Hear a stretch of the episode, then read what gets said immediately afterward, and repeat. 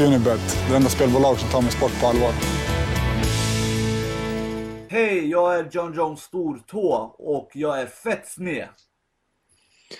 Hej, mitt namn är Robby Peralta och jag älskar att röka marijuana. Hej, mitt namn är Lyoto Mashida och jag älskar att dricka piss. Nice.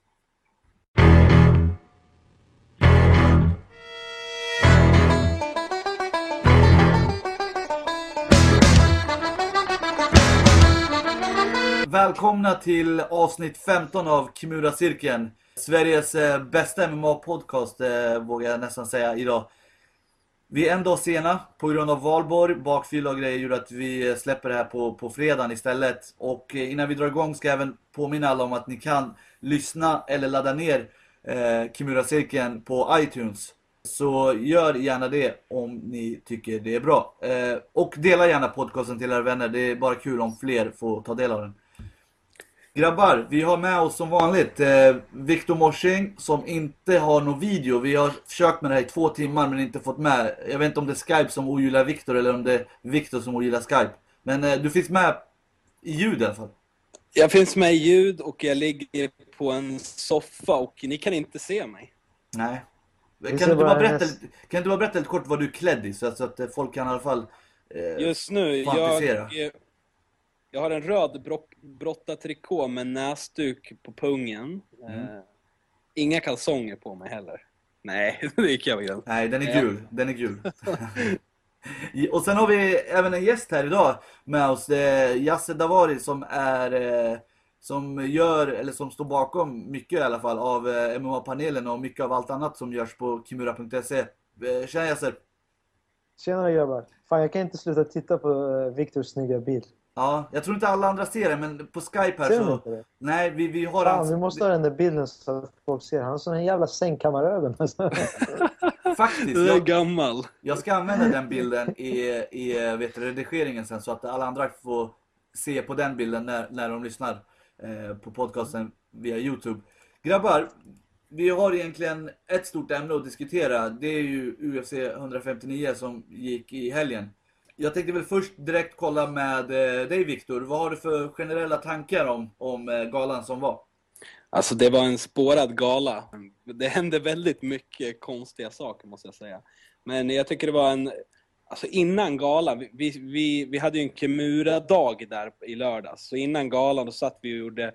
Jag la ju sådana sjuka rader, jag bettade via Unibet. Jag tror jag la typ 12 kuponger med de sjukaste eh, utgångarna på matcherna. Och du vet, den var otroligt roligt, rolig att se, galan. Men eh, ja, jag vet inte, det var ju fyra matcher, eller tre matcher som slutade rätt olyckligt. Eh, men det var en rikt- ja, fyra matcher. Det var en riktigt bra gala överlag, tycker jag faktiskt. Jasse, du då? Jag håller absolut inte med. Det var den sämsta galan i år. Väldigt, väldigt tråkiga matcher och eh, ja, det var ju tråkiga skador som eh, uppkom och jag, jag såg inte alls fram emot huvudmatchen. Jag visste ju att eh, folk, folk ringde mig innan galan. Kompisar som är blivit nyfrälsta i MMA. Finns det någon chans att Sonnen vinner? Nej.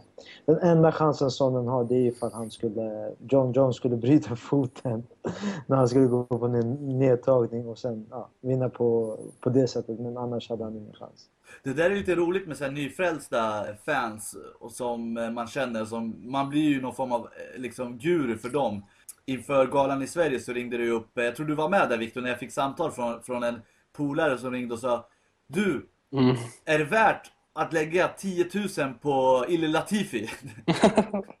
han bara, eh, jag, han, han bara, jag har sett dem, eh, han hade sett invägningen. Han bara, Ille ser mycket större ut, han ser starkare ut, han kommer vinna. Jag bara, Ja. nej, eh, lägg inte 10 000 är du snäll. Och sen vart jag lite rädd för att, tänk om Ille går och vinner, då kommer ju han, vet du det, ja, hålla med Det var ju ansvarig. 6-7 gånger pengarna. Ja, han tänkte, vad fan, Illis, du vet, Illis ser ju väldigt skrämmande ut jämfört med, med vet du det, Gegard. Så han tänkte, Han är, ju, han är ju ett jäkla djur på bild alltså. Ja. Sen ja, prestationen i buren var väl kanske inte Så- fullt så optimal Nej, som så, så jag varit lite såhär bara fan, du kan inte lägga 10 000 på, på han, han trodde han bara, Illy tar det, ser inte hur han ser ut tänkte han. Eh, men han la inte de pengarna på Illy och jag tror att han, eh, jag har inte snackat med honom sedan dess men han tackar nog mig. Grabbar, eh, vad heter det? Som Jasse var inne på, matchen mellan John Jones och Chelsonen blev en kort historia. Eh, Son, eh, Sonnen hade väl inte mycket att erbjuda och fick sin egen taktik använd emot sig. Va, va, alltså, vad, kan ni, vad säger ni om det här? Hade ni, sett, hade ni satt fram emot den här matchen? Alltså, själv jag- gjorde inte jag det eftersom jag nästan visste hur det skulle gå till. Men Viktor, vad, vad tyckte du? Var du lite spänd inför matchen i alla fall? Eh, John Jones och Sonnen. Ja. Nej, jag visste också vad som skulle hända. John Jones skulle ta det. Jag var helt 100% säker. Men ändå var jag lite nyfiken att se hur Sonnen, vad Sonnen skulle göra, givetvis. Mm. Och sen var det så kul att se just att John Jones clinchade upp med Sonnen och tog hans game. Det, det, det trodde man inte. Eh, Jag visste ju att han kunde, men jag trodde inte att han skulle göra det. Så- Så det var ganska, ganska kul att se att han tog honom verkligen med storm. Gud vad konstigt det där lät, men ni fattar vad jag menar. Så det var ju, det var ju jätte, jättekul att se. Och sen blir man så fascinerad just att han bröt tån också. Mm. Jag tror det var första sprawlen Han bröt gjorde. inte tån. Han, Gjorde han inte det? Det, det framkommit, eller enligt en läkare som sa att tån inte var bruten utan den är eh, dislocated, Mm. ur led. Och Det såg verkligen ut som att den var bruten. Ja. Benpipan stack ut där. Mm. Men eh, apropå det också, att han, att han just gör illa tån på det där vidriga sättet och ändå liksom poundar ut sonen i slutet på första. Nej, jag tycker det var, det var fascinerande. Just den händelsen med tån känns som att det gjorde ju galan lite mer speciell än vad den var egentligen. Just hela den här grejen med, med när de upptäcker att tån är helt eh, sned. Eh, eller att ben, eh, benet sticker ur där och Joe Rogan hämtar pallen och du vet intervjun efteråt var ju mer underhållande, mer intressant att se på än själva matchen. Det såg ut som att han skulle svimma. Ja, eh, Ja, jag trodde att han skulle svimma. Min tjej hon, hon gillar MMA. Hon tittar på i stort sett alla MMA-galor med mig live. Och eh, hon, hon, hon, hon sa så här, han kommer svimma nu. Han kommer svimma nu. Han kommer svimma nu. Det såg ju verkligen ut som att alltså, han blev ju... Fel att säga, men han blev ju vitare och vitare i ansiktet. Mm. Eh, och eh, verkade ju som att han ja, kunde svimma av eh, när som helst. Men Mm. ni vet ju, John Jones har ju fått väldigt mycket kritik från fans för att han inte verkar vara genuin, att han är falsk, att de inte gillar hans attityd och etc. Eh, Jag upplevde under den här intervjun att att det vände lite, alltså jag började liksom, jag vet inte om det var för att jag gillade honom under den intervjun. Han verkade väldigt så här härlig på något sätt. Eh, jag vet han är det... härlig. Jag vet inte varför folk har fått för sig att han är så jävla oskön. Nej men jag tycker inte att han är den mest karismatiska personen eh, i vanliga fall. Men, men just i den här intervjun så var han väldigt karismatisk. Jag vet inte om det är kanske det som krävs, att han har liksom en sned tå av... Han hade ont som Vänta, fan. Räkna upp, räkna upp en mästare i en viktklass i UFC som är karismatisk. Ja, det är inte många nej. Men, Ben, men... Hen- ben Henderson, ja, han gillar att Cain läsa. Velas- Velasquez. Nej, fan. Han är en intressant person. Alla är i och för sig intressanta personer med intressanta bakgrunder, men det är ingen som är karismatisk. Det är ingen som är Chael Sonnen. Det är ingen som är eh, Reza Madadi. Det är ingen som är... Eh, vem fan skulle ta mer som är karismatisk? Det är ingen som är... Alistair Overeem. Jag menar, han är väl inte kanske den eh, mest eh, pratglada typen. Han, men han är karismatisk på ett sätt vis. Det är kanske hans kroppsbyggnad och så. Mm. Mark Hunt är fan mer karismatisk än... Ja, faktiskt. Eh, vi hade ju, Matt Serra var ju mästare en gång i tiden. Så att, Ja, eh, precis. det kanske Matt måste Serra- vara mest karismatiska mästaren någonsin. Ja, faktiskt. Mm. Men, men grabbar, nu, nu när eh, John Jones gjorde det han skulle göra egentligen mot Chelsonen och, och, och vann där i, i, redan i den första ronden. Vem, vem kommer härnäst för, för Jones? Många vill ju gärna att Alex ska få chansen, men hur, hur tror ni? Blir det att Alex får möta Lyoto?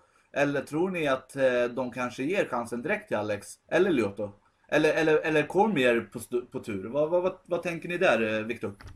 Ja, jag tror att eh, Lyoto och Alex kommer gå match först. Eh, jag vill inte att de ska göra Jag vill givetvis att Alex ska få matchen direkt. Mm. Men jag tror ändå att de kommer försöka sålla på så sätt att de matchar de två. För det är en riktigt bra match. Mashida och eh, Alex. Mm. Den matchen skulle ju vara riktigt spännande. Det är en toppmatch verkligen. Så jag tror att de gör så, jag vet inte, ren taktik kanske. Mm. För att fylla upp något kort här framöver. Och sen att eh, Jones får vila lite. efter skadan och lite sånt där. Han blir borta, vad var det, 68 veckor? 68 veckor enligt den läkaren. Det är ju inget officiellt uttalande Nej. från Jones håll utan det är en läkare man, som man tänkte 68 veckor och sen ska, man, så ska han ha ett, ett tra- training, alltså Ja, ett camp inför. Hur, hur, när, när, eh, Så om du är snabb i matte. Yasser, när tror du att han är redo att gå matchen? Fyra månader, det är september ungefär. Och sa inte Alex i någon intervju att han, att eh, han, han vill ju gärna gå match självklart för han missade ju den här senaste matchen och eh, vill inte vänta i, i någon längre period. Men han sa väl att september kan han vänta till. Jo, men Men det sen är är inte han som bestämmer heller. Men om, om det var upp till honom. Grejen är att eh, Jones har lagt upp det ganska bra. Alex skulle, hur mycket jag gillar honom, som, både som person. Eh, ja, ni träffade ju honom när vi, spe, när vi krigade. Mm. Han kanske inte är den roligaste människan att kriga med för att han har så jävla duktig och så jävla starkt vapen. Men, eh, men han, han är ingen som säljer pay-per-views. Och, eh, UFC fungerar, när det kommer till pay-per-views, ska du ha ett Ska du ha en stor match som huvudmatch så måste du kunna sälja pay-per-views. Det är ett företag. Men Jones har sagt att han vill köra på Fox. Och Fox är inte alls samma system. De behöver inte betala någonting. Eller de, behöver inte, de behöver inte få en in, intäkt genom att folk köper utan det är gratis. Det är som att sända det på SVT eller TV4 eller något sånt. Så det blir ju he- helt perfekt. Mm. Jones vill möta Alex, Alex vill möta Jones och Jones vill möta honom på Fox-kort. Men, men tror du att Alex, eh, tror att de Nej. kommer matcha Alex mot Lyoto? Nej. Jag tror att de kommer matcha Alex mot Lyoto. Det verkar som att Lyoto har gjort en hel omvändning när han märkte att oj. Han, för han gick ut själv först och sa så här, men jag vill möta, jag är inte intresserad. Eller hans manager gick ut och sa att de är inte intresserade av att möta Alex. De vill möta Jones för de står först i kö.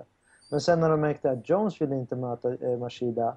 Alex ville möta Jones. Jones ville möta Alex. Då blev det så här, ah, men nej men vi vill möta Alex. Det verkar Mm. som det naturliga. Så här.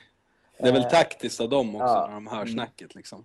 Men jag tror ändå att eh, även om det är störst chans för att Alex eh, möter Lyoto i nästa match som avgör nästa utmanare så tror jag ändå att är det någon som har chans att få möta Jones härnäst, alltså utan att eh, Mm. ha någon sån number one contender match så är det nog Alex, eh, tror jag faktiskt ändå på. Men tror ni inte att de tänker smart då? Att de, nu, är- nu är Jones skadad ett tag, de ger dem lite tid att återhämta sig från skadan. Tror, är inte det ganska rent taktiskt att bygga Alex namn genom att sätta honom mot Mashida och bygga upp det här namnet? Så att de får chans att promota honom på ett sätt. Grejen är att jag tror att UFC väldigt gärna vill ha Alex eh, som, förstår du? Jag tror att de hellre, om de fick välja, så väljer de hellre Alex. Men grejen är att Lyoto är mycket kändare Större namn och, och drar mycket mer pengar in för UFC. Så Men att, om Alex slår Lyoto, Ja, men precis, så bygger precis. de i hans namn. Absolut, men där finns det en risk för att Mashida kan ju vinna över Alex. Förstår du? Så att det, det är ju inte självklart att Alex kör över eh, Mashida. Det, det, var ju som när de matchade Alex mot Gegard så tror jag ändå att UFC förväntade sig att Alex skulle vinna till 90%. Eh, Mm. Jag tror att de förväntar sig det. Ja, men vi ger han den här matchen på hans hemmaplan och sen så tar vi det därifrån. Nu att matcha mot honom mot Lyoto, förlorar Alex den matchen då, då, då kommer han ju liksom, då, då ligger ju helt plötsligt flera namn före honom eh, i det här racet. Mm.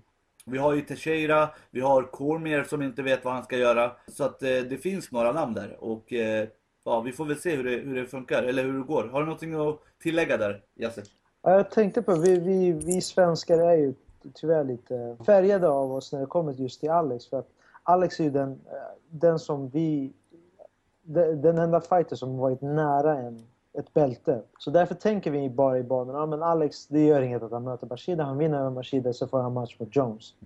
Men tänk om Alex förlorar? Vad fan händer då? Tänk om Ja, Alex då- möter Mashida och förlorar. Vad, vad, lägg, vad kommer han hamna på listan då? Då är vi tillbaka där runt uh, Phil Davis-strecket. Alltså jag tror att en förlust mot Mashida i det här läget, skulle, be- beroende på hur den ser ut, skulle inte vara... Förstår du? Jag tror att förlorar mot Mashida, då är han tre matcher från en titel. Istället för en, eller ingen match från Men hur, hur, är det, hur är det mot en match mot, vi säger, vi säger att de väntar nu. Nu vet inte jag hur det är med Mosasis skada. Men hur är det mot en match mot Mosasi igen då? Nej, varken Alex är intresserad av den. Alltså Alex sa ju det i MMA-panelen. Han tog den matchen mot Mosasi för att det var den Sverige. matchen han kunde ta för att köra i Sverige. Jag undrar vad som hade hänt om han hade tackat nej till den matchen. Ja, men UFC, jag tror att... De går väl inte ut och säger det, men jag tror att UFC eh, bestraffar folk som tackar nej till matcher. Det hade inte gått att tacka nej till den matchen. För det var ju en chansning ut, utav Alex, verkligen, att tacka ja. Som han säger själv också. Han tog Ja, för men det var ändå hans hemmaplan och ändå en ganska fördelaktig match. Det var ju precis som Alex sa, det här är ingen match som tar mig jättenärmare titeln så, utan det är en match där jag får visa upp mig på hemmaplan, eh, få väldigt bra pengar, han sk- skulle tjäna bra med pengar för den här matchen också. Eh, så att jag tror att Alex, så som han, så, precis som han sa i MMA-panelen, är att han, nästa match vill han liksom ska ha något med titeln att göra. Antingen att det avgör för vem som är nästa man eller att han möter, möter John Jones. Men ja, jag vet inte. Det, det känns lite så här svårt i det här läget i och med Chelsonens, eller vad säger Chelsonen, John Jones eh, skada här. Man vet inte hur det kommer att funka. Man vet inte om, om det räcker med 68 veckor. Eller kommer han krävas, eh, kräva längre rehabilitering? Då, då, då är det ju ingen idé för Alex att vänta. Plus att han vill väl säkert ha lite ledigt också. Semester, ja. Hinna köra till sitt training camp om han ska möta Mm. Alex. Då kommer han behöva sina värre 8 till 10 veckor liksom. Och sen har vi Silva som ska ha match i Andersson Silva senare i sommar. Vad händer med en supermatch? Det, är liksom, det finns lite för många frågetecken där för att Alex ska få chansen direkt. Alex måste nästan gå in och övertyga mot Mashida för att liksom... Och även då är han inte garanterad. Nej, jag, jag, tror, jag tror lite som eh, Hesse sa i panelen att UFC har Fox Sports 1. Där har han jättestor... Alltså en, en match mellan Mashida och Alex. Jag tror inte att den kommer bli tråkig. Nej, tror inte Alex jag. är inte Dan Henderson. Alex kommer driva på. Han är väldigt duktig stående. Och Mashida är duktig stående. Han är kontra... Jag tänker just också när Mashida blir pressad också. Mm. Det är då man ofta får Ja, se det här oförutsägbara. Det här att han måste, vad heter det, counterattacka, eller vad fan säger man på svenska? Eh, kontra. Och det är då man kan, kan se det här, eh, det här spelet från Mashida, just om någon pressar honom. Så som jag tror Alex kan göra med fotarbetet och det här in ut hela tiden. Och han slår konstant liksom. Mm. Då måste Mashida hitta på någonting. Så är det. Då, just den matchningen är en bra matchning för Fox Sports 1. Ja, Alex mot Mashida på en pay-per-view-gala skulle kanske inte dra så många tittare. Återigen så blir det snack om eh, pengar. Men Mm. Fox Sports 1, jag vet inte hur stora de är, men de lär väl vara nästan lika stora som ESPN. De har Ja, många ja. rättigheter till eh, stora, stora amerikanska eh, sporter. Exakt vilka vet jag inte, men så de har en stor publik. Ja, Om- absolut. Det har de. Och den, den, första galan kommer gå i Boston den 17 augusti. Så det är en bra tid där Precis. också. Precis, så om, om de kan lägga upp matcher mellan fighters som är duktiga men kanske inte pay-per-view eh, pay sådana som kan dra in pay-per-views så tror jag att eh, det är en självklar gala. Den Mm. eller, det var någon som sa det och det låter också som en bra idé. 3 eller 4 augusti i Rio de Janeiro, UFC 163. José Ja. Aldo mot eh, Anthony Pettis. Vill man se Alex på bortaplan egentligen? Jag tror inte Alex, han är kört fan på borta, bortaplan. Han är bortaplanspelare. En annan kille som eh, fightades var ju Sonnen då, som förlorade mot Jones. Och eh, han har väl hintat lite om att gå i pension och sen vänt tillbaka eh, och sagt att han vill fortsätta. Vad tror ni där? Tror ni att eh, det bästa för Sonnen vore att pensionera sig? Han har ju ett bra jobb på Fox. Fox verkar gilla honom, eller Dana White. Och eh, han kan väl liksom göra annat än MMA också hos Fox. Om man nu ska fightas, vem vill ni se han mot? Han har ju sagt att han vill köra mot Wanderlei Silva. Wanderlei Silva har ju sagt att han vill köra mot Sonnen. Så jag tror att den här matchen kommer bli av. De kommer snacka skit, de kommer köra sin trash talk. Mm. Eh, och eh, Sonnen kommer ju vinna den matchen ganska enkelt. Och sen kommer det bli en match. Och jag tror att det sista vi, den sista matchen vi såg mellan Wanderlei Silva och Brian Stan är så pass bra. Och jag läste någonstans att den hade eh, en av de bästa tittarsiffrorna på Fuel TV. Mm. Det är bra. Ja, så den matchen, det, det skrev vi på Kimura idag, att den, det ryktas om att den matchen kommer också vara på UFC on Fox Sports 1. Vilket Mm. kort, vilket kort. Men, men eh, jag måste flika in här. Eh, Sonnen, han har ju egentligen inte varit imponerat alls. Alltså han har snackat väldigt mycket och han har inte backat upp till sina två senaste matcher i alla fall. Det kan man ju klart konstatera. Han har gett sig ut, han har varit på djupt vatten alltså. Känner ni att, liksom att, att har han fortfarande legitimitet hos fansen? Tror fansen liksom bryr sig om vad han har att säga i nästa match? Ja, jag tror fansen, alltså de här matcherna han har gått, det är ju det är inga liksom lätta matcher på Han har något blivit sätt. överkörd å andra sidan. Ja, jo, men jag tror ändå fansen vet på något sätt om storheten i, i Silva och John Jones. Mm. Eh, och jag tror att han kommer, han kommer kunna hypa upp matcherna med sitt snack. Du vet, han är, han är en taktiker. Han, han kommer vrida och vända på det där tills han hittar det där Mm. rätt. Och jag, jag tror absolut att det finns fans som är honom trogna och mm, ja, visar honom empati liksom efter förlusten mot Jones och så vidare. Så jag tror inte det kommer påverka så jättemycket. Jag tror att Sonnens bästa egenskap som MMA-fighter, det är hans käft. Ja. Alltså han kommer snacka upp den här matchen så att folk som inte ens tycker om honom, alltså inte ens bryr sig om, så kommer de vilja se den här matchen. För han är så jävla bra på att sälja. Han hittar någon schysst vinkling på det där och sen kör han vidare på det. Ja, och han har ju snackat skit om Silva förut så han kommer ju bara köra på det där och han kommer dra in sina lögner att han inte fattade vad Silva sa i bilen till honom och sådär. Och ja, han är, han är väl den enda fighter som jag tycker är... eh, Jag tycker att det är roligt att, alltså, jag tycker det är roligt att följa den här resan som han gör innan matchen. Och nu var jag lite be- besviken att han inte körde trash talk, men däremot så tyckte jag att han gjorde jävligt bra ifrån sig på Tuff 17 som tränare. Så då, då blev det intressant att se matchningen. Han gjorde ju ingen trash. Men mot Silva tror jag att han kommer köra samma grej som han körde mot Andersson Silva. Och, eh, ja. Det är ju det han behöver. Han behöver möta en brasse. För att det är då hans trash talk är som bäst liksom. Det har man ju förstått. Faktiskt. Jag tänker lite på det här när han sa efter matchen att han funderar på att pensionera sig. Tror ni inte det är rätt naturligt att han säger en sån? Jag tror inte han kommer pensionera sig än. Nej, Jag tror han kommer gå en del matcher till, tror jag. I alla fall en två, tre, fyra matcher till tror jag han kommer hinna.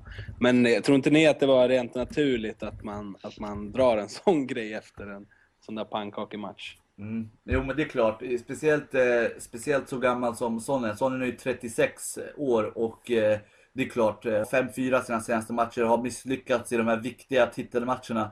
Så det, och, och ändå har en eh, fallskärm så kanske man liksom börjar tänka i de banorna. Men han är inte riktigt redo där ännu. Jag tror att UFC kommer vilja krama det sista ur honom innan Vad man tror, ni han säger tjänar, vad tror ni han tjänar på de här Fox-jobben och sånt där? Jag tror han tjänar bra. Jag vet inte exakt vilka siffror vi pratar om, men jag tror han tjänar väldigt, väldigt bra. Bättre än en match? UFC-match? Nej, det, så, så bra tjänar han nog inte. Nej, å andra sidan så är det ju inte samma liksom, han gör ju, det är ju helt, andra, helt olika typer av jobb liksom. Så att eh, jag tror fördelarna med Fox liksom att han slipper det här liksom fysiska eh, skador och, och liksom att, att gå, gå till gymmet eh, sju dag, sex eller sju dagar i veckan, två gånger om dagen. Liksom, det väger ju över lite grann och, och han kommer ju kunna göra mycket för Fox. Det är som sagt, han kommer inte bara sitta i, i MMA-studios program utan han kommer Nej. nog kunna vara med på andra, i andra hörn också, i andra sammanhang. Jag tror att han skulle passa jäkligt bra som en kommentator, för han har ett jävla bra driv i rösten. Och Mm. Han är intressant att lyssna på utan att Och är- se. Och han är väldigt duktig på att analysera matcher. Jag såg ett, ett klipp nu när han analyserade sin match mot Jones. Och kunde vara så verkligen objektiv och berätta vad Jones gjorde bra, vad var det som de hade förväntat sig att Jones skulle göra och vad var det som överraskade honom. Så här, väldigt så här, Mm. Väldigt, väldigt objektiv och väldigt bra på att analysera situationen. Jag tror att han skulle vara jätteduktig som en kommentator. Men jag tror inte att han kommer ge honom kommentatorsjobbet för han är för duktig för att analysera i de här programmen som de har innan och efter galorna. Som vi i Sverige inte får se. Men de sitter i panelprogram och diskuterar inför galan precis, alltså, precis innan galan börjar direkt efter. Så där, där tror jag inte, men ifall Kenny Florian skulle inte kunna ställa upp, eller Joe Rogan skulle kunna ställa upp, så tror jag att Sonnen kommer vara ett alternativ. In- Innan vi vet det, avslutar snacket om Sonnen så vill jag bara säga i och med att det är hans, eh, hans förmåga att kunna snacka. Jag har, ni kommer ihåg den senaste Tuff-säsongen som var när han var coach. Det här Mm. peptalket han håller för, för, sina, för sitt team, du vet. eh, När han pratar om handling och in- känslor, du vet. Action eh, och reaction och vad det nu var. Jag har kanske lyssnat på den tio gånger sammanlagt. Jag, jag, jag blir lika peppad varje gång. Det är sjukt hur, hur, eh, hur len och fin han är i munnen. Alltså, det, Oj. han, han har talets gåva alltså. Kör du den innan gymmet när du ska in så här? Grabbar, vi går över till en annan fighter som eh, vann sin match i Comin Event. Eh, Michael Bisping, britten. Som, han slog då Allen Belcher, en match som var lite hypad inför. Mycket snack mellan dem. Bisping eh, dominerade väl Belcher i eh, två ronder och eh, nästan en hel rond till då. Olyckligtvis så drog han tummen eller något finger in i Belchers öga som eh, gjorde att matchen fick avbrytas och gå till eh, domslut. V vad säger ni där? Vad var, tankarna kring just den matchen? Leder den upp till era förväntningar, Viktor? Nej, verkligen inte. Jag trodde ju på Belcher. Jag hade ju hoppats på Belcher, verkligen. Många anledningar. Men jag tycker inte Belcher kom aldrig igång. Alltså, han, det såg inte ut som att han ville vara där. Mm. Och sen kollar vi på Bisping, alltså äh, vilken grym boxning han har alltså. Mm. Är helt sanslöst. Och det känns verkligen som Bisping hade steppat upp sig lite. Nu Belfort-matchen var ju väldigt så han fick en spark i huvudet, och det är svårt att säga vad han skulle gjort bättre liksom. Skyddat sig, men, men han såg verkligen bra ut. Bisping såg jäkligt bra ut. Boxningen såg, såg helt fenomenal ut. Jag tycker att, uh, vilken haka Belcher har måste jag ju säga alltså. Han fick en del, en del eh, släggor som satt rätt bra. Men Belcher kom aldrig igång han hittade inte sin rytm alls. Det var Bisping som styrde matchen. Och eh, Bisping är värd vinsten, även fast han, ja, det slutade lite olyckligt. Men Belcher, nej, jag är besviken på Belcher. Jag är du lika imponerad av eh, Bispings boxning? Ja, fast han, han, är lite som, han är lite som en sämre version av eh, Frankie Edgar. Det verkar inte som att det finns krut bakom slagen. Han kör sina kombinationer, han får det bra. Belcher körde väl inte kanske den bästa taktiken mot honom. Han tog emot väldigt många eh, smällar eh, med pannan. Mm. Men, men det kändes som att han fick klockrena träffar men det gjorde ingen så det påverkade, det hade ingen inverkan på vad heter Belcher. Mm. Jag tycker ju att folk snackar ju om just Bisping mycket och eh, jag, jag, jag, jag, ser ingen utveckling. För, för att man såg en utveckling i honom efter förlusten mot Dan Henderson. Han, han började liksom utveckla sin, sin, sin rörel, sina rörelser i buren och sådär. Men jag vet inte, jag har inte sett den här utvecklingen de senaste matcherna hos honom. Och, eh, det är inte så konstigt, han är inte purung direkt. Och jag vet inte, jag, jag är liksom övertygad att han, han, han kommer vara där han är idag. Han kommer vinna sådana här matcher. Han kommer vinna mot en Belzer som har vaknat upp på fel dag. Förlora mot eh, liksom en väldigt taggad Vito med en fet ådra på halsen. Det kommer vara upp och ner för honom. Jag, jag, jag, ser inte den här utvecklingen som krävs för att han ska liksom komma upp där och bli en riktig number one contender. Och eh, jag vet inte, jag, jag, är inte så här så ro, Det är inte så spännande att se honom i fortsättningen, tycker inte jag i alla fall. Det får vi se vem de matchar honom ju, men jag vet inte, den här matchen var väl lite så här den, den var trå äh, det ska inte vara tråkig, men det, det, den följde lite av eh, en annan match på huvudkortet där mellan Phil Davis och, och Vinny Magales. Men om vi drar med det här med tummen, eller var det ett finger eller var det en tumme? Jag vet inte vad det var. Men, tumme tror jag han kom ja, fram till. Och han drog in det i ögat på Belter som har haft problem med ögat och opererat och var nära på att eh, få sin karriär förstörd på grund av det. Och eh, han började blöda kraftigt. Eh, vad, vad, säger ni om just eh, det här med den här debatten som har varit om fingrar i ögonen i just MMA? Det är olyckligt, det är verkligen som Dana White sa, vad ska de göra? Man måste ju ha grappling-momenten och liksom händerna måste ju vara rörliga för att kunna grappla, så det är otroligt viktigt att kunna nypa tag ordentligt. Så jag, jag vet inte vad man kan göra, om man kan vara jag vet inte, tydligare, liksom vad heter det? Implementera? Ja, precis, i, i, i utövarnas eh, träning redan. Det här med, jag vet inte vad man kan göra, det är sånt som kommer hända. Känns... Alltså, jag, tänkte på en sak. Hur skulle det vara ifall de hade handskar i handskarna? Att det var så här, vad är det, fingervantar eller fingerhandskar som kommer upp hit. Men sen fanns det en liten så här, eh, liten tunnare handske som gick över eh, fing, fingertopparna och naglarna. Jag tror att det är väldigt mycket Alltså det gör mycket, självklart gör det ont att få en tumme i ansiktet hur som helst, men jag tror att man tar bort mycket av den här vassa ytan. Fastän mina naglar är helt platta nu så kan jag ändå riva folk på träningen. Mm. Tror, tror du att det handlar om det? Jag tror inte just det handlar om att det... Att, att det liksom, utsträckta... Ja, precis. Att det kommer som kraft. Jo, men det, blir som du... en liten, det blir som att man petar jättehårt. Liksom. Jo, men om, om vi tar Belcher till exempel. Jag tror inte att den ska... Att, alltså han hade fått ett så stort katt på ögonbrynet.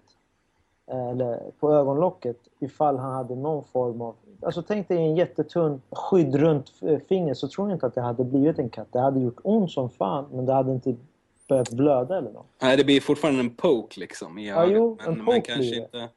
Men tror ni att om man sätter för att eh, om man, om man eh, reglerar det här lite hårdare och att domare går ut och verkligen är nära på att eh, ge poängavdrag till folk som för att man ser det gång på gång fighter som håller ut händerna för att liksom hålla distansen efter ett slag eller och liknande och, och verkligen gör det med öppen hand. Är det inte där man måste liksom gå in och styra upp lite och, och, och vara lite hårdare mot, mot fighters som, som gör det? För nu var det ändå två matcher som fick brytas på det här kortet på grund av just eh, fingrar i ögonen. Det går så snabbt, det är det.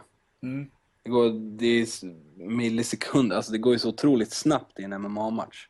Mm. Jag tror det, när man ser på TV, jag tror inte riktigt, eller när när man Nej. ser det live också, det går så snabbt, de här rörelserna med fingrarna, du vet när man skyddar sig, upp med näven, en öppen hand, eh, och någon kliver in i, i dina fingrar eller du jabbar med öppen hand eller vad som helst. Alltså förstår du? Men det Det går, går- ju, det, det går ju, jag tänker så här, visst det går ju aldrig att få bort det till 100%, det, det gör det ju inte. Men jag tänker mig, Aldrig, aldrig.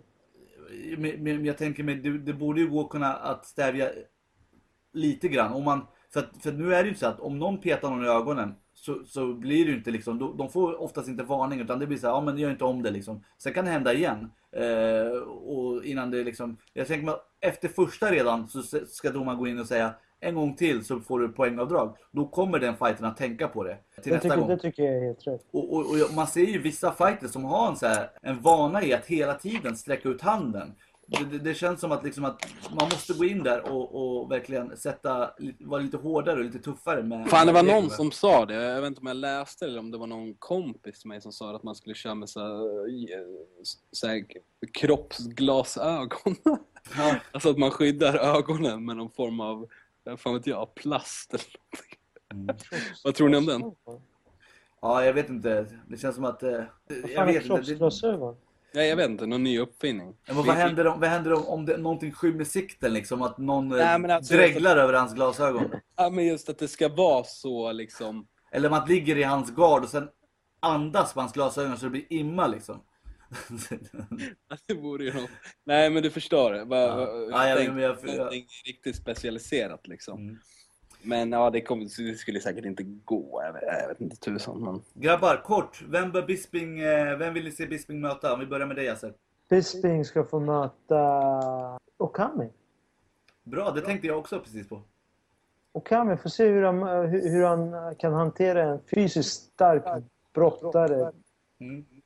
Han klarar sig någorlunda bra mot Chael Sonnen men eh, Okami har en helt annan fighting-stil och är mycket bättre på clinch än vad han är med, än vad Chael Sonnen är i clinch. Mm. Chael Sonnen har en tendens att försöka gå clinch och sen försöka med en nedtagning medan Okami verkar inte ha några problem att stå där i fem minuter och Mm. köra sin dirty boxing. Du då Viktor? Eh, ja, gud vad svårt. Jag tror jag skulle vilja se... Jag skulle vilja se en... eh, En rematch mot uh, Chael Sonnen, tror jag. Ja, just det. Tror jag faktiskt. Det, men Eh. det, det tror jag skulle vara... Det är också ett, ett bra namn där, just... Eh, Ja, men det skulle bli lite trash talk, du vet den här grejen. Jag tycker, tycker sånt är ganska kul. Jag vet inte, det skulle kanske kunna vara en rätt bra rematch. Kanske, jag vet inte. Annars, jag, jag tror ju också på att Okami hade varit ett bra namn där. Det är två killar som har varit i toppen väldigt länge. En av dem ska få fortsätta vara i toppen och det kan man ju avgöra med en match då däremellan. Men jag tänker mig om de vill verkligen hypa upp en, Engla, en Englandsgala och sätta eh, Bisping mot eh, Tom Watson. Ja, det vore ju- Mm. Det hade varit grymt faktiskt. Oh, jag tror att han skulle bli så fint knockad av Tom Watson. Ja, nej men, ja säger jag. Men jag, jag tror att det är en sån match som skulle, liksom, man skulle, skulle kunna sätta som main event i, i, i London eller, eller i eh, Manchester eller var, var, var nu, nu vill åka. Faktiskt. Det tror jag Ja. också. Grabbar, vi ska gå kort igenom de eh, två andra matcherna. Eller det är tre matcher egentligen. Vi kan väl säga kort lite om Phil Davis match. Eh, jag vill säga så här att, att eh, jag var inte så jätteimponerad till skillnad från Joe Rogan av, av Phil Davis. Han fick egentligen göra vad han ville på stående fot och eh, det hände inte så mycket. Han jabbade lite grann. Hade inga former av tendenser till att, till att gå på avslut. Eh, han vann matchen och det var vad jag hade förväntat mig mot, en, mot, mot just eh, Vinny som inte alls är på samma nivå vad gäller MMA. Vad säger ni om Phil Davis insats? Nej, alltså han är, han är uppenbarligen för, förbättrat sina händer, absolut. Men det, det var ju inga, det var inga liksom större faror i matchen som gjorde att man, oh shit, nu blir det någonting. Och eh, jag är lite besviken för jag hade velat sett markkamp. Mina, mina kort satt ju på Magalesh. Jag hade ju hoppats att, att han, alltså, han, eh, vad heter det? Han ville ju ha ner dem på backen ett par gånger. Mm. Ja. Phil Davis berättade ju att eh, han är redo att ta matchen vart som helst och att eh, hans brottning ska vara så mycket starkare än Magalesh grappling och bla bla bla. Men ja, det blev, ganska, det blev en ganska ensidig match. Det var lite jabbar och ja, en ganska tråkig match och rätt besviken på båda. Även om Phil Davis visar att han har utvecklat boxningen. Men, men kan man verkligen säga att han utvecklar boxningen när han möter någon som inte ger mycket tillbaka? Vad jag ser. Ja, jag tycker att han, hans boxning har blivit bättre. Inte att den är bra, men den har blivit bättre. Eh, han körde sina en, två ko- kombinationer i alla fall. Och eh, ja, han var ju tvungen att använda sig av boxningen. Han, han kunde ju inte använda så mycket av sin grappling att ta ner eh, Magalesh och ground and pounda honom. Vilket jag trodde han skulle faktiskt göra, men Men alltså, visst hade det varit kul om det vart markkamp? Ja, ja, ja. Alltså, Phil Davis är kanske inte den mest tekniska grapplern, men med den styrka han besitter och den, alltså, han är ju inte dålig grappler heller, men den styrka som han besitter så, så är det sjukt jobbigt för till och med en världsklass eh, grappler som Magalesh att klara av att dra ut eller göra någonting mot. Men, Alltså, eh, Magalesh hade ju inte den konditionen så, det, ja. men om vi säger så här, Phil Davis har ju då, eh, heter det, han har ju vunnit nu några matcher sen han gick den här matchen mot Rashad Evans. Men, och för några år sedan så var ju många snabba med att och, eh, snacka om att det här var nästa man att, eh, för John Jones och snacka om att det här var en, i framtiden skulle vi se en grym match med John Jones och Phil Davis. Enligt mig så är han långt borta från, från, från just en sån match och en framgång i en sån match. Håller ni med där eller? Ja, men, Ja. Det, men det är bara för att Jones har visat att eh, han har, han har, han har inte svårt att köra mot duktiga brottare. Men, men tror du Phil Davis- skulle ha framgång mot eh, Lyoto eller mot Alex också? Nej, han saknar det här av, alltså visst, som, som vi sa, han har utvecklat sin boxning, det stående, men han avslutar liksom kylan och avsluten. Mm. Det, alltså, det, det finns ju inte i dagsläget. Han, är ju Alltså- liksom, han har varit aggressivare mot, mot Magalesh, då hade han säkert kunnat avsluta honom. Mm. Ni såg ju hur trött eh, Magalesh var. Liksom. Men, ser- han, men eh, alltså, jag, jag tror att... Jag vet inte hur offentligt det här våldtäktsanklagelserna var mot honom, men jag tror att hela den här tiden, i alla fall... Ja, alltså... Det kan, inte- det kan inte vara lätt för en person, jag vet inte om han är Mm. eh, skyldig eller inte. Det kanske inte ens våldtäktsanklagelse utan det var misshandel. Eh, någonting som kunde liknas vid våldtäkt. Eh, att det påverkar honom och påverkat hans träning. Eh, och jag trodde att det, det, var den enda chansen som Vinny hade på att vinna. Att eh, Phil skulle vara tillräckligt borta i tankarna och inte ha fokus på rätt ställe och därför skulle han förlora. Mm. Så därför tror jag att Phil levde inte upp till sin fulla potential i den här matchen. Mm. Men, men jag, jag håller ändå med. Alltså jag säger ändå att han har ingenting i toppen att göra. Alltså då menar jag topp 5. Och eh, en, en, en rematch mot Alex skulle nog... Eh, jag, jag tror på 80% fördel för Alex där. Ja, jo, det tror jag också. Det skulle se helt annorlunda. Alltså, han, fick inte, han fick inte ner Alex. Alex förlorade för att han gjorde ett misstag, någonting som... Ja, Han försökte ta ner Phil Davis och gå på backen. Och jag tror att det, det var väldigt eh, nyttigt för Alex att göra det misstaget i det skedet av hans karriär. Eh, Hellre ja, då, än nu. Ja, jo, ja, men det, det stämmer ju helt och hållet. Och den är lite- förlusten resulterade i att Alex var tvungen att träna upp sin brottning och åka ut till USA. Så Det, det, jag tror det släpper det som de snackar lite om John Jones också, just att John Jones förlorade så där olyckligt mot Matt Hamill, där att han blev diskad. Jag tror samma sak gäller Alex, just att eh, en förlust eh, hyfsat tidigt under sin UFC-karriär släpper lite pressen. Det här att vara obesegrad, kliva in i topp tre obesegrad, det är ganska mycket press just att känna och veta. Man vet inte hur det är att förlora i UFC. Men jag ser, efter den där förlusten, ändrade Alex någonting liksom? Alltså gjorde här någon drastisk, ja, nu han- måste jag... Han gjorde, han gjorde eh, riktigt stora... Men han åkte ju till USA och började åkte träna då. USA, Han eh, ho- ho- hoppade av eh, helt och hållet från Gladius. Började träna heltid med Andreas eh, Michael. Och Alex har berättat det här. Jag vet inte. Det, det är ingenting som är hemligt.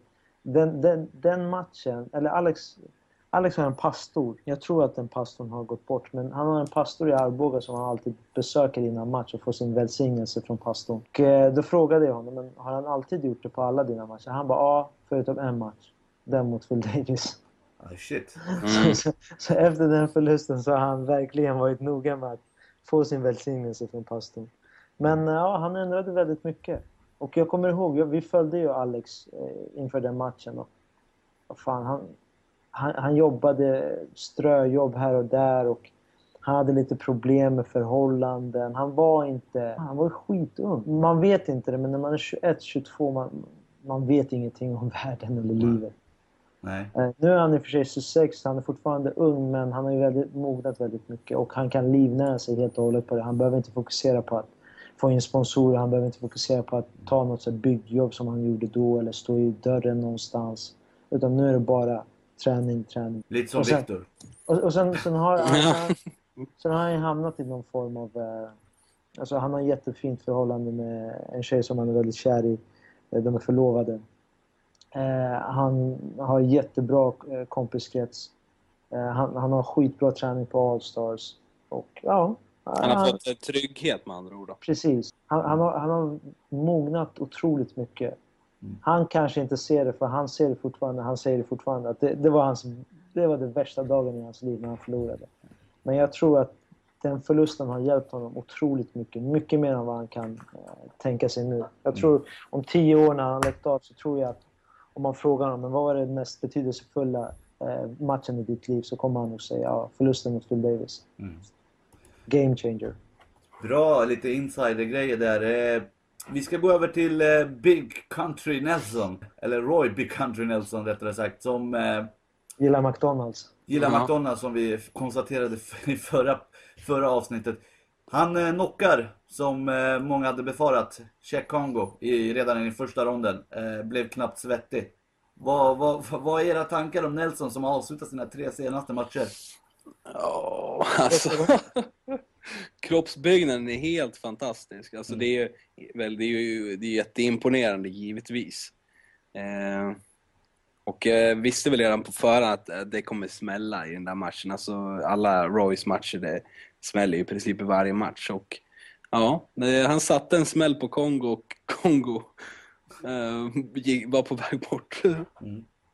Alltså Nej, det, jag det, det, roliga med, det, det roliga med Roy är att eh, just det här att när han möter längre fighters eh, så verkar hans overhand hitta just käken på, på just längre fighters. Du vet, han kan bara slänga den över, över huvudet liksom. Den missil, den eh, söker liksom värmen i munnen på dem och sen träffar liksom. Och Nu var det i och för sig bakom örat eller typ. Ja, i och för sig. Eh, heter det? Det, var väl varmare i Tjekongos öra den här gången. Men, men en annan grej jag- jag, tänkte på just med, med, med, med Roy är ju att han, han kan inte, det, alltså det är en sån fighter som motståndaren när han möter, de kan inte vara speciellt så här, rädda för honom. Alltså man tänker när man ser hans kroppsbyggnad. Jag kommer att hade varit livrädd alltså. Ja men Kongo sa i intervjuerna innan när de pratade om, om, om Nelson, då sa han ja, men man vill nästan krama honom. Förstår du vad jag menar? och han ger ju den bilden. Alltså visst, han har det där långa skägget, eh, har eh, världens jävla hockeyfrilla och sådär. Men tittar man på hans ansikte så ser han ut att vara sju år ändå liksom. Han är fan, eh, han är, han är vad heter det, the walking swag alltså. Ja. Nelson, verkligen. Alltså, eh, Dana White gick ju ut för, några, för något år sedan, eller några år sedan, och sa liksom att Fan, det här funkar inte. Han måste ändra sin image, måste gå ner i vikt, raka sig. Han Det sa någonting om inte så här, lätt vem vill vi- ligga med honom liksom, typ så. Och, och, och, om jag ska vara ärlig, jag tror att den här imagen har gjort Ja, ja, så ja. jävla mycket för Roy. Där har du karisma. Där har du någon som är karismatisk. Jag menar, eh, om han skulle vara som alla andra i tungviktsklassen, eller lätt tungvikt, så skulle, han- skulle han vara en i mängden. Okej, han har en jättebra overhand, men han har ju aldrig visat det i stora matcher. Nej. Men med den här fetknoppsstilen som han har. eh, Skägget, alltså han ser ut som en riktig hobo. Mm. Hemlös. Eh, människa som eh, alkoholiserad, kanske varit atlet en gång i, li- någon gång i livet. Men han ser inte ut som en UFC-fighter. Och jag tror att han vinner väldigt många fans på det. Och han verkar vara faktiskt, han, han verkar inte vara någon dryg jävel. Jag har träffat honom personligen. Eh, och han verkade, han var inte alls dryg, han var skitskön, trevlig. Eh, och den bilden som man har fått av honom i så intervjuer så, så verkar han inte vara någon douchebag heller. Nej. Men det, men det är sant det här också. Om vi säger så här, vem skulle ni helst vilja möta? Roy Nelson eller Check Kongo? De är ju Ja. typ raka motsatser. Man hade ju varit livrädd för Kongo alltså. Mm. Stå bredvid han. Och sen, då väljer man ju Roy liksom, kan man gosa på magen. Jag, jag, jag tycker att Joe Rogan la det så bra när han sa det liksom. Om du inte har någon kunskap om MMA alls och du ser de här två mötas, då kommer du tänka vad fan är det här? Vad är det här för sport liksom? Du förstår vad jag menar? Men tänk dig, du kan ingenting om MMA, du ser Roy Nelson kliva in med sitt skägg, sin mage och du vet, han har inte ens, alltså hans armar, de är så slappa också. Det, det, det, det, han, har inte, han är inte så muskulös, han har inte den där atletiska kroppen. Även om han skulle gå ner i vikt och bli en eh, lätt tungviktare så skulle han fortfarande inte vara ett, de stora, en av de stora i klassen och två, så skulle han fortfarande inte vara den här muskulösa. Han skulle fortfarande ha mage och lite fett här och var. Förstå många som väljer fel, så här, bar slagsmål när man är ute där vid Roy. Förstå många, många stöddiga som väljer fel och kliver på Roy Nelson. Ja. Det blir en overhand liksom inne på dansgolvet. Ja. Helt sjukt. Nej, men han, han verkar ju vara stört skön. Vad, fan, det- vad var det förra matchen som han pratade med Joe Rogan? Han bara, jag har lärt mig en ny grej, boxning. Det är mycket roligare än brottning och grappling. Ja, ja, han är så jävla skön. Vem vill ni se han möta? Det har ju varit snack, mycket snack om just Nelson. Eh, Cormier, eller de snackade om att Nelson mot Cormier, och då gick Cormier ut och twittrade under den efterföljande presskonferensen efter galan då, och att, att han är väldigt intresserad av att få möta Nelson. Och sen har det snackats om Hunt. Eh, Dana White sa att, eh, att eh, om Hunt vinner så kan det vara ett namn för just Nelson. Vem vill ni se Nelson möta helst? Jag vill se eh, en rematch mot Frank Mir. Jag är lite för rematcher idag alltså. Men den första matchen var ju så tråkig att jag, jag är nästan osäker på om jag vill se den igen. Ja, men jag vill se, jag vill se han sätta en hård jävla, vi säger det igen, overhand. Du gillar inte Mir med andra ord? Nej, jag vet inte. Tycker han är lite på, vad heter det, nedgång. Och då vill du skicka ner honom? Ja, då vill jag, han ska långt ner. Bra Viktor. Eh, du då? Ja. Jag tycker faktiskt...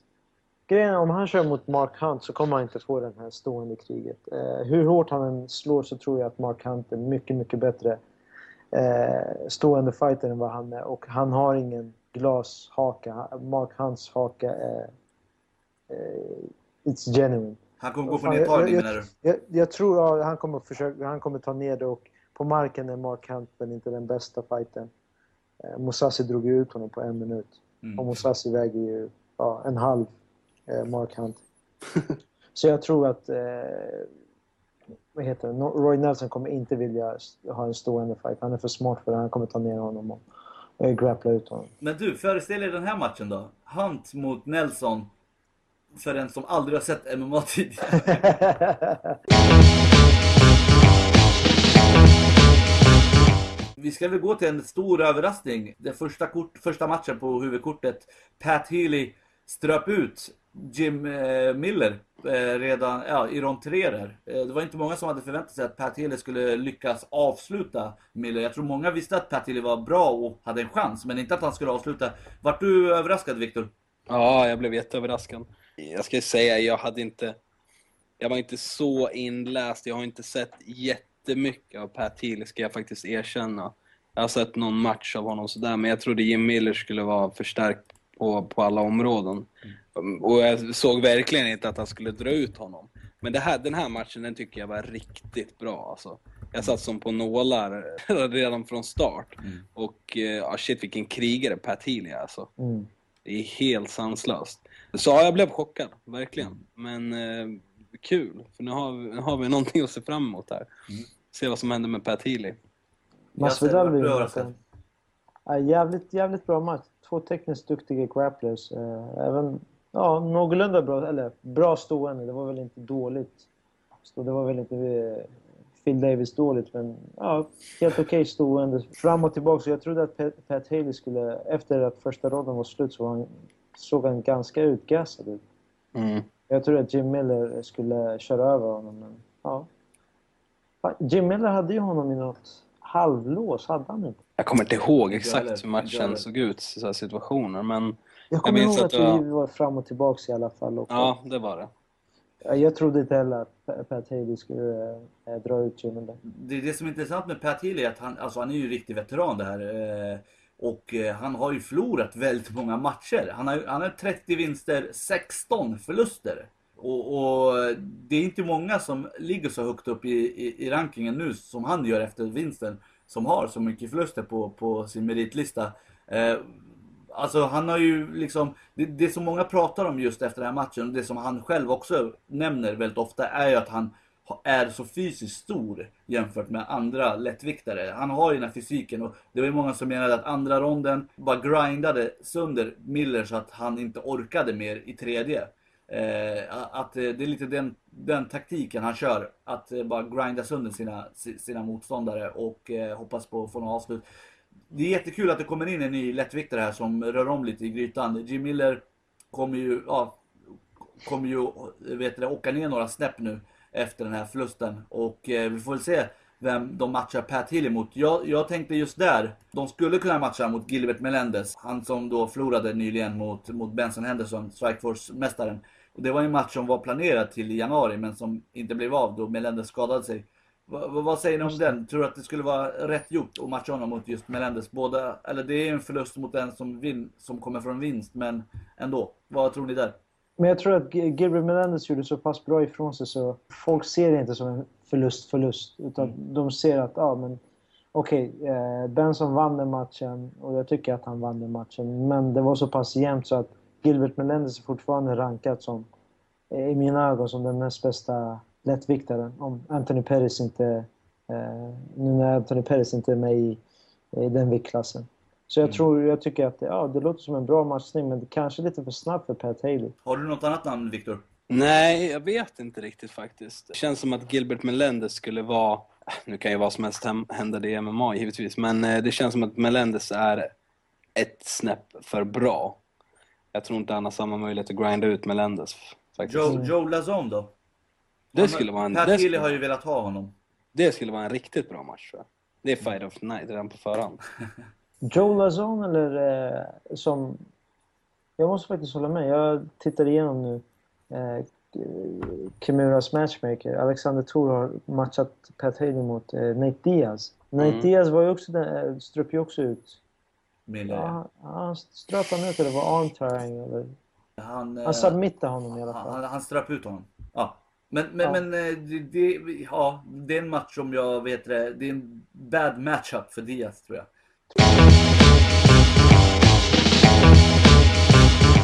I det förra avsnittet så gjorde jag och Viktor en, eh, eller vi utmanade varandra lite grann. Eh, Det gjorde och vi då. tippade matcherna på huvudkortet. Förloraren skulle då straffas eller få göra någonting som den andra bestämmer. Eller som läsare, tittare bestämmer. Men det var inte, det kom inte så jättebra eller jättemånga eller några bra tips eller eh, Ja, så att eh, jag kom på ett eget. Vi kan väl berätta vad vi har tippat så att folk, eh, för folk som inte minns. Matchen mellan Pat Healy och eh, Miller tippade båda Miller. Eh, Nelson eh, Congo tippade många, båda Nelson. Bisping mot, eller ska jag säga, Phil Davis mot Magalhaes. Där tippade jag på Phil Davis, du tog skrällen där på Vinny. Och Bisping, Belcher var samma. Jag tog Bisping, du tog skrällen Belcher. Och i huvudmatchen eh, så tog båda John Jones. Men jag tog rond två eller tre, eller du tog rond två och jag tog rond tre. Så var det. Mm, så var det. Eh, Men jag fick eh, totalt fler rätt än dig. Och därför så är du förloraren. Mm, tack. Eller säger man tack? O- o- Om du känner dig som en förlorare, och vilket du uppenbarligen gör nu. Ja, men jag sa på mig den. Jag, jag, jag visste att jag spelade, spelade ett farligt spel där när jag tog, jag tog två skrällar. Alltså jag var medveten om att det var skrällar. Så är det. Jag ska inte sticka under stol med det. Jag, jag, jag, har i alla fall tänkt ut vad du ska få göra nu. Eh, Mm. Och eh, det bollade mellan, alltså jag vet inte, jag tänkte på saker, allt ifrån dildo till, eh, till vet det, sax och kniv. Men, Ja. men, men jag ville vara schysst så att, så att jag slutade med att jag vill att du sjunger någonting. Fan, Eh, kan inte han få strippa nu när man inte ser honom? Ja, kan inte du typ sjunga Och strippa. och, Och strippa. Men du I ska, min sjunga, ensamhet. du ska sjunga om hur bra jag är på att tippa och hur mycket bättre än dig jag är på att tippa. Och berätta för oss när du samtidigt. tar av vilka klädesplagg du tar av dig samtidigt också. Nu åker kallingarna! Nej men eh, jag tycker att du, du, du får sjunga någonting eh, som eh, ja, en hyllningssång till mig och eh, även att du sjunger lite om hur dålig du är på att tippa. Kör igång. Jävla jag, får, jag, får jag använda är. gitarr? Vad sa du? Får jag använda en gitarr? Eh, Du får använda en gitarr, absolut. Bra, då ska vi se här. Sarpan är bättre på att tippa. Han är bättre än mig. Sarpan är bättre på att tippa. Han är bättre än mig. Härligt. bjuder jag på.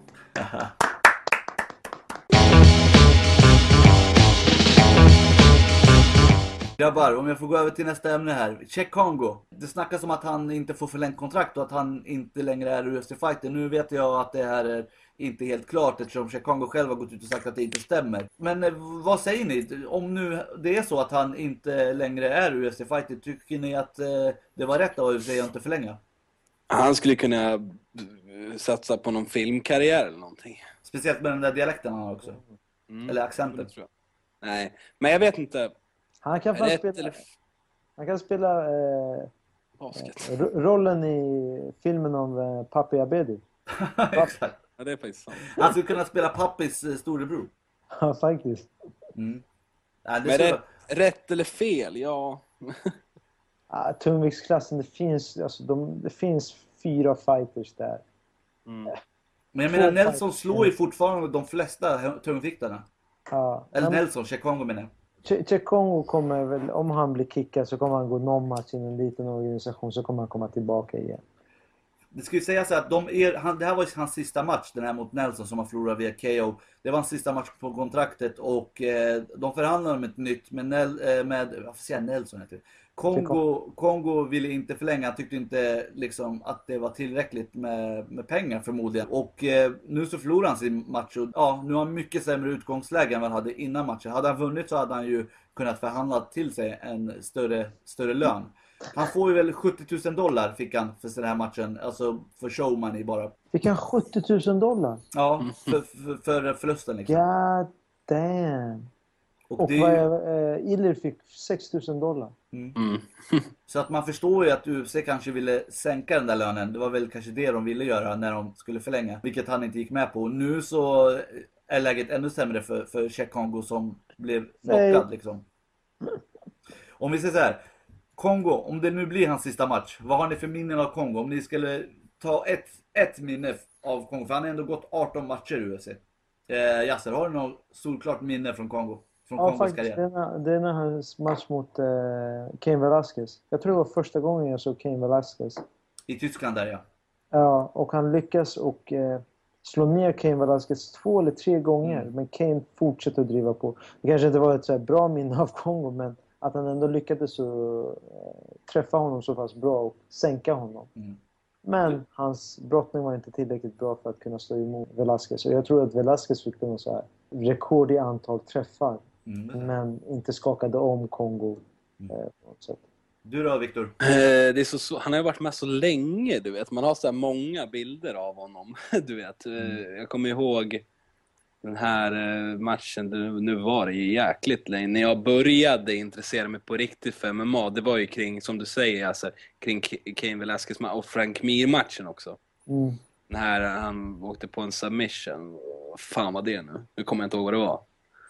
Han förlorade mot Frank Mir i alla fall. men han, han blev eh, neds, eh, sänkt av eh, Ja, en höger och sen eh, ströp Frank Mir ut honom Precis. på rear naked. Nej, vanlig giljotin. Giljotin tror jag det var också. Ja, ja. vanlig. Men jag kommer ihåg den matchen, minns jag. Det var precis Är, liksom... det, är, det din, är det din höjd?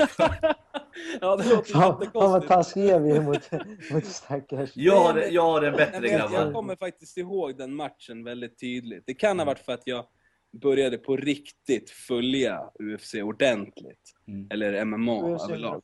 det. Mitt främsta minne från Det- Nu kommer ni säkert säga åh, det är ju från eh, UFC live on versus 4 när han eh, gjorde ja, historiens största comeback mot Pat Barry.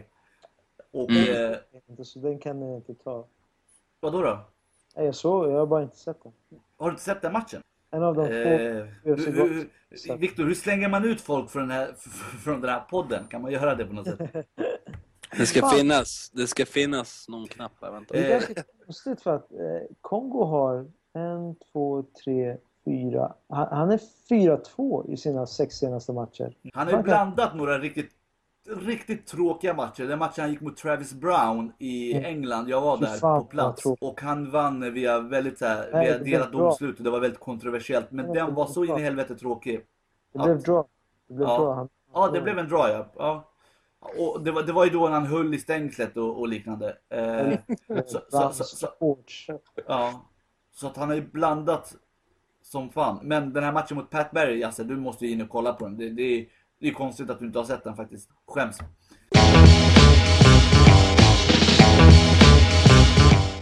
I sommar så möter då, eller ska Andersson Silva försvara sitt bälte mot Chris Weidman, mellanvikten. Och eh, varför jag väljer att eh, ta upp just det här med månader kvar till matchen är att det är så många fighters och experter som redan nu går ut och säger, redan nu konstaterat att eh, Weidman med stor sannolikhet kommer att besegra Silva, den första som gör det i UFC. Och Jag, jag, som är, jag som är stort fan av Andersson Silva förstår själv att Weidman är ett stort hot, han är väldigt duktig. Svåraste testet på länge för Silva, men jag undrar, är det någonting som de ser som inte jag ser? Därför tänkte jag kolla med just er om, eh, om ni håller med alla experter där ute. Jasse, du som inte är ett stort Andersson Silva-fan, vad, vad tror du? Är Weidman vinnare? Kommer han vinna den här matchen? Nej, att, nej. Jag, alltså, grejen är, jag, jag är inte alls någon stort eh, Anderson Silva-fan, men jag tycker att han är den ja, topp tre bästa pound för pound-fanterna i världen just nu. Eh, jag har två andra som är före honom, men det är personlig eh, åsikt. Men att säga att Wideman skulle vara en favorit och given vinnare, det är bara idiotiskt. Det är riktigt idiotiskt. Han är kanske den svåraste motståndaren hittills för eh, Anderson Silva. Men att säga att Weidman kommer vinna det här lätt är bara idiotiskt. Alltså, GSP, din, eh, eh, din stora favorit. Nej, Han, GSP är inte min eh, stora ja, favorit. men en av dina stora favoriter. Nej. jag, menar, jag har två favoriter, stora favoriter. Det är Mauricio Shogun och eh, Fedor Emelianenko. Men de är inte platsade i eh, pound for pound. De två bästa, Ja, enligt mig, är Anne- eh, vad heter det, John Jones och eh, GSP. okej. John men Jones G- då är ju GSP högre rankad än Andersson Silva då. Vi ska inte gå in på den debatten, det kan, det, det kan spåra ur väldigt lätt. Men, men eh, GSP, det var det jag kom fram till. Att han sa ju att, att Weidman skulle kunna avsluta Andersson redan i den första ronden. Vad, vad säger du om det Viktor? Tror du att det kommer ske? Och vad är dina övriga tankar om just det här att alla experter verkar tro på Weidman så hårt? Alltså jag vet inte om de utgår mycket från hur Anderson Silva såg ut i första matchen mot Chael Sonnen. Det känns som att många baserar sina åsikter på just hur, hur pressad Anderson Silva var mot Sonnen. Alltså en duktig brottare, alltså världsklass. Och att Weidman då ska jämföras lite med Son om inte Weidman är ännu bättre brottare. Så det känns lite som att man utgår lite, lite mycket därifrån. Just hur det såg ut i första matchen. Mm. Men jag tror ju att Silva är så pass smart. Kom igen, hur länge har killen varit med? Eller gubben säger man fan snart. Hur länge har han varit med i matchen liksom? Han har mött duktiga brottare, visst. Sonnen överrumplade honom i första matchen. Och Eh. första ronden i andra matchen också. Ja, påpeka. precis. Men, eh, ja, jag vet inte. Men det är inte, det, jag tror inte att det är bara sådana, utan Anderson Silva har haft problem med bra brottare. Det har inte blivit jättestora skador. Men han blev även nedtagen av eh, Dan Henderson första ronden. Men vad ska Wideman göra för skillnad då? Varför, vad, Skillnad- vad han för toppspets? Skillnaden mellan Wideman och Dan Henderson, Wideman och Chael Sonnen är att Wideman är sjukt duktig grappler. Mm. Han är väldigt bra på marken. Sen har han väl kanske inte superbra jujutsu, alltså toppnivå jujutsu, men kombinationen med den grappling han har och den brottningsbas han har så gör det att han blir sjukt duktig på marken. Och det är där han är toppspetsen mot, eh, om man jämför mot Sonnen exempelvis. Och Sonnen som höll ner Silva. Precis. Och jag tror, att, jag tror faktiskt att Wideman, till skillnad mot många andra som utmanar Andersson Silva, jag tror att Wideman är förmodligen, tror verkligen att han kan vinna över eh, Andersson Silva. Ja. Han, när, vi, när vi träffade honom, vi gjorde intervju med honom i Brasilien, alltså man såg på honom och han såg på hans självförtroende. Ingen kaxig, ingen så dryg på något sätt, utan han trodde verkligen att men jag kan ta Andersson Silva. Det, för mig är det inte någon stor, stor grej att jag kommer möta Andersson Silva. Ja, men Och det ja, gå Det är väl viktigt också, den mentala biten. Att, att, att, man, att man verkligen tror och vet att man kan vinna över världens bästa fighter. Jag tror den, den, det, de tankarna kan ta dig väldigt långt. eh, Just att du, du, vet, du intalar dig själv att du kan. Men grabbar, om jag får flika in lite med så här psykologi, eh, psykologi här, är att Wideman har ju nästan, alltså jag läser ju nästan varje dag en ny intervju där han liksom säger att ja men jag kommer slå Silva så här, jag kommer vinna, jag kommer göra så här. Alltså varenda gång han intervjuas så är det någonting nytt om att han ska avsluta Silva. Och det känns som att, att han säger det hela tiden, är inte det någon form av någon form av eh, sätt att försöka intala sig själv om det också. Och om det nu är så att han försöker intala sig själv, då ligger det i grunden någon form av osäkerhet av att han inte klarar det. Eh, Jag förstår inte varför han måste gå ut och påpeka just att han ska avsluta Silva i varje intervju. Eh, Nu kan det ju vara så att de bara ställer sådana frågor, men man har inte sett det tidigare liksom. Nej, Jag, jag, vet- jag vet faktiskt inte. Det, det för mig känns det som att det är lite för dumt att försöka, försöka säga något sånt. Jag tror han lägger stor press på sig själv att försöka intala sig och avsluta en av genom tidernas bästa fighter i första ronden. Men, eh, men å andra sidan, det verkar ju som att eh, Sonnen lyckades komma under skinnet på eh, Silva. Mm. Det verkar som att eh, Silva, alltså, fastän han, eh, han är ju hur iskall som helst i själva buren, men det verkar som att man kan komma under skinnet på eh, Silva. Mm. Han hade blivit irriterad på Damien Maya för Damien Maya hade lagt en kommentar med ja men om Andersson Silva är spindeln så får jag väl ta en av hans åtta ben och bryta sönder det. Och därför körde han sin cirkus eh, show mot eh, Damien Maya. Mm. Damien Maya menade ju inget, eh, inget illa utan det var ett sätt att hypa upp matchen. Stackaren försökte promota matchen. Ja.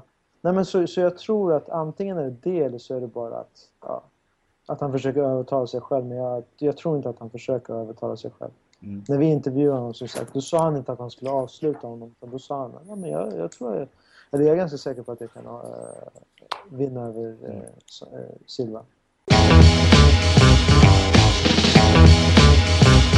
Vi är nu framme vid eh, programmets två sista punkter och eh, för alla som har hängt med i den här resan vet att det handlar om veckans Kimura och veckans Smiley. Jag vill då kanske, eller jag kanske ska förklara det för den femtonde gången. Eh, veckans Kimura handlar då om något vi delar ut eller gör på någon som vi tycker förtjänar det. Något som har varit eh, lite jobbig, irriterande eller som har betett sig dåligt på något sätt. Veckans smiley är det motsatta då. Det ger vi till någon som antingen förtjänar det på grund av att han har gjort eller hon har gjort något bra. Eller någon som behöver uppmuntring som kanske haft en lite tuff tid bakom. Så det är det det handlar om.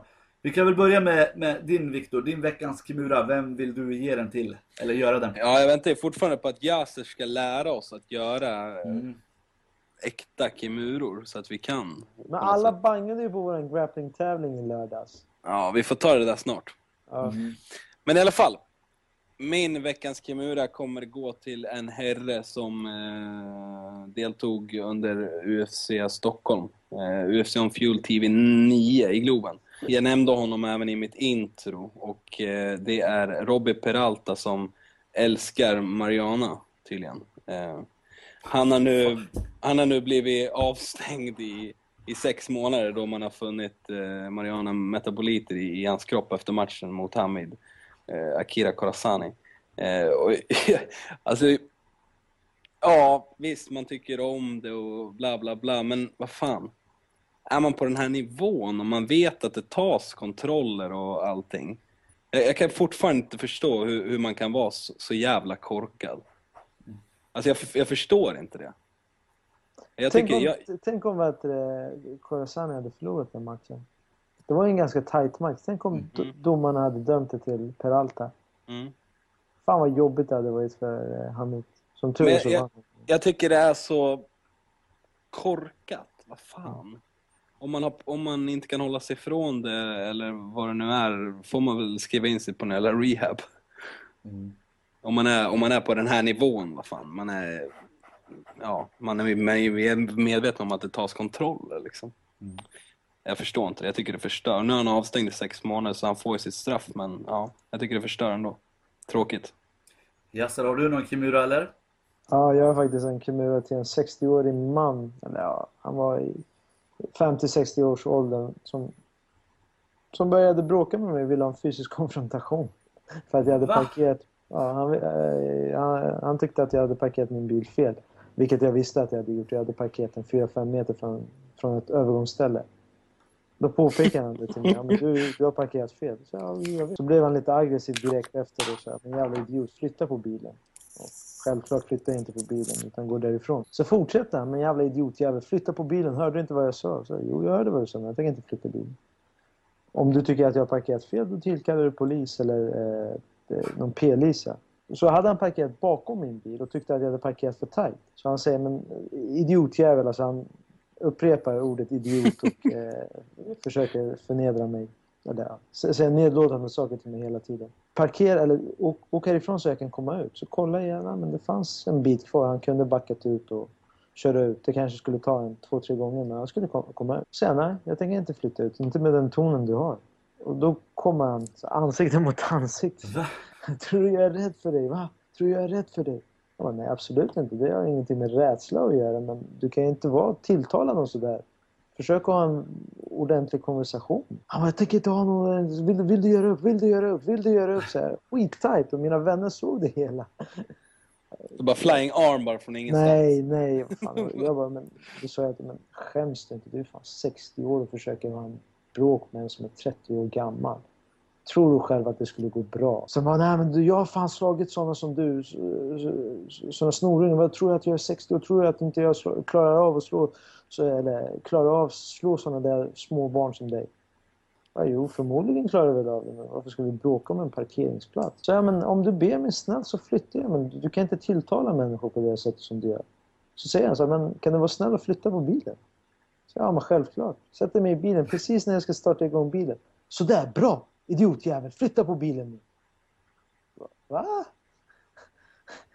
Var fan kom det där psykfallet ifrån? Stängde jag av bilen och sa, nej jag tänker inte flytta. Då Helt körde han in i min bil två gånger. Första gången körde han in, tänkte jag så men okej, han, han vet inte avståndet, han träffar registreringsskyltet, inga problem. Men när han kör in så fortsätter han köra. Du vet? Vad fan är det här nu? Så? så backar han. Jag bara okej, det var misstag. Han kanske kom åt bättre fel pedal. Backar in och sen svänger han lite för att komma ut. Nu är han snett så nu kommer det inte vara eh, registreringsskylt mot registreringsskylt utan nu kommer det vara hans front kofångare mot min eh, bakdel. Då gör jag samma sak och börjar pressa så här. Då, då, då blev jag så jävla lax så jag sparkar in hans, eh, sparkar in hans bil. Och då, då väntade jag på honom. Kommer han ut då kommer han få den där fysiska konfrontationen han vill ha. En Kimura med andra ord. Ah, nej, han kom inte ut. Han tillkallade polisen. Eh, Men gick det bra alltihop då? nej, vi stod och pratade med, jag stod och pratade med en konstapel i typ en timme. Eh, han anmälde mig för skadegörelse och jag sa men ja, jag sparkade hans bil men jag erkänner inte brott. Han provocerade mig. Jag hade aldrig sparkat hans bil ifall han inte hade kört på min bil två gånger. Det Mm. fanns tydliga repor på min bil. Så vi får se. Så Jävlar, det kan här, vart, vart i Stockholm var det här? Hantverkargatan framför Primo Chow Chow. Fortsättning följer grabbar, det här blir intressant. Ja, störda människor det finns. Du pratade ju om en störd människa förra veckan, eller för, förra veckan som Ja, som slog- dunkar ner en äldre man i 60-årsåldern. Det var en äldre man som, ja, jag vet, jag fattar inte vad det är fel med människor. Fan vad skumt. Nej, men hade han bara tilltalat mig snällt så men alltså du kan inte parkera här så hade jag sagt så men jag ska bara hälsa på mina vänner så kommer jag komma tillbaka och köra härifrån. Ja men du står för nära min bil, kan du flytta fram lite? Ja självklart, så hade jag gjort det. Men typ så här, kalla en idiot när man inte känner någon. Ja, Ja, ja. Jag hoppas det löser sig, hörru. Annars annars så... första pricken i mitt register. Ja, men vi får väl se. Det vet det. Så typisk eh, kommer jag väl komma med i Sverigedemokraternas statistik. Ja, men trots, trots att han har en utbildning och är företagare så, så är han fortfarande kriminell. Men alltså, du, du skulle alltid kunna ha liksom... Ja, nej, fan. fan. Vad skämmigt Nej. att en sex- 60-årig gubbe. Nej, men, Ja. Men det hade suttit fint där med, med en flying triangle eller någonting. Jo, hade det faktiskt. Krucifixa han ute på asfalten. ja, ja. Då ska vi över till min... Ja, Har, vill du tillägga någonting där? Nej, jag tänkte säga, du, du ska ju också se det. Ja, ja, jag ska också ha en Kimura. Jag vet inte, jag kommer inte kunna toppa det här nu. Jag ger min Kimura till eh, Mr Dana White. Som, eh, och eh, varför jag gör det är för att han...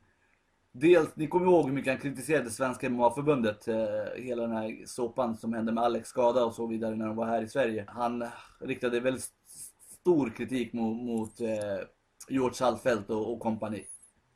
Och nu i helgen när eh, vet det, UFC var i New Jersey så kan man väl säga det att New Jerseys kommission där, Athletic Commission i New Jersey, inte fungerade helt felfritt heller. Dels saknar de tydligen eh, regler för vad som domaren ska göra vid eye-pokes och liknande. Det var därför han inte fick fem minuter, jag försöker komma på namnet på, Gian Vialte, han fick inte fem minuter när han blev petad i ögat. Och eh, det här är ju så här regler som, som förbundet hade liksom, eller kommissionen hade har styrt upp. Så att de hade inga regler för det. Och eh, det var lite andra grejer som förbundet inte var helt, helt hundra på. Men efteråt så gick ju självklart Dana White ut när de fick frågan om, ja men vad tyckte du att, tyckte du att kommissionen gjorde ett bra jobb och sådär?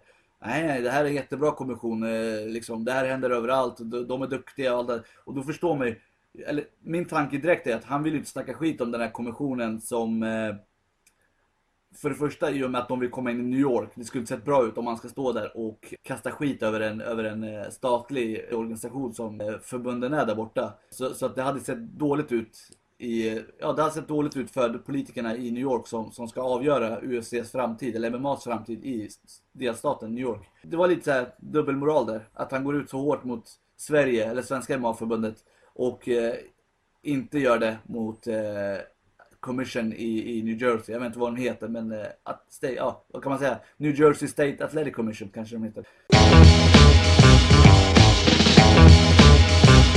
Jag kommer ge min veckans smiley. Det här har egentligen ingenting med kampsport att göra, men det har med sport att göra i alla fall. I morse så, eh, så gick eh, AIKs målvakt Ivan Turina bort. 32 gammal, en kroatisk målvakt som kom till AIK 2010. Vet inte så mycket egentligen, men det var väl att hans hjärta stannade väl under natten när han låg och sov och han eh, förklarades väl död strax efter sju på morgonen i morse. Så jag skulle behöva skicka en, en smiley till, till alla anhöriga. Det är alltid tråkigt när en, en, eh, en vad heter det?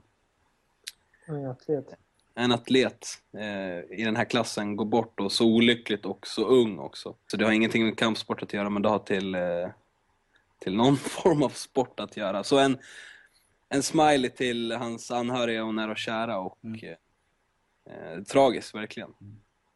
Bra smiley. Du då Yasser? Jag skulle vilja ge min smiley till eh, Hessi Mocka. Han har fått så mycket skit på för hans deltagande i MMA-panelen. Jag tycker att Hessi, jag håller inte med allting det han säger och eh, allting som han står för. Han, först och främst så gillar han Real Madrid.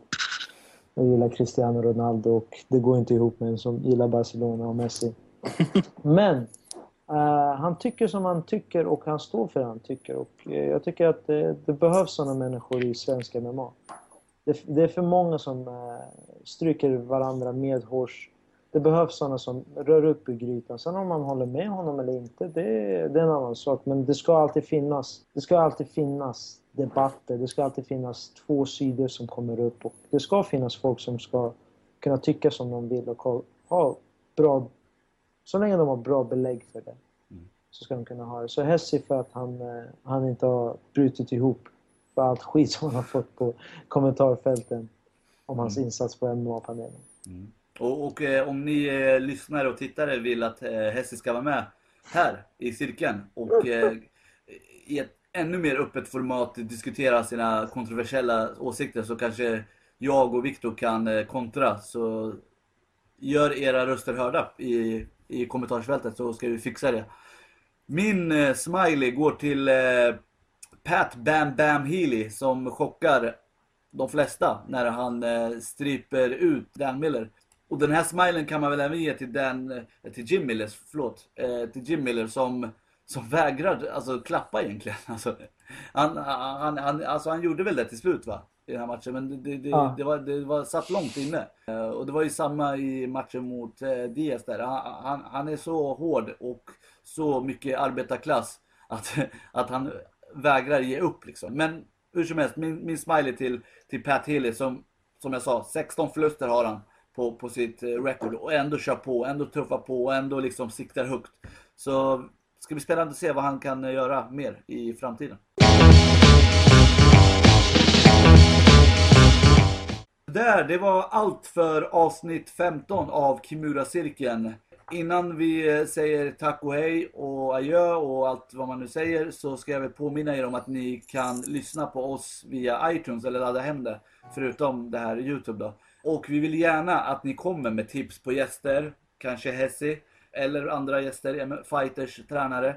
Eller att ni bara kommenterar vad som har sagts i podden, vad ni tycker om ni håller med mig, Viktor eller Yasser. Så lämna era synpunkter gärna i kommentarsfältet i den här artikeln så, att, eh, så skulle vi vara väldigt tacksamma. Vi gillar att få feedback, det är kul och vi vill gärna veta vad ni tycker. Så grabbar, har ni någonting mer att tillägga innan vi eh, trycker på stopp här? Jag vill passa på att fråga, vad skulle alla läsare eller tittare eller lyssnare tycka om om vi körde Kimura-cirkeln live? Kanske? Skulle det uppskattas? Är det någon som skulle vilja, vilja se det live?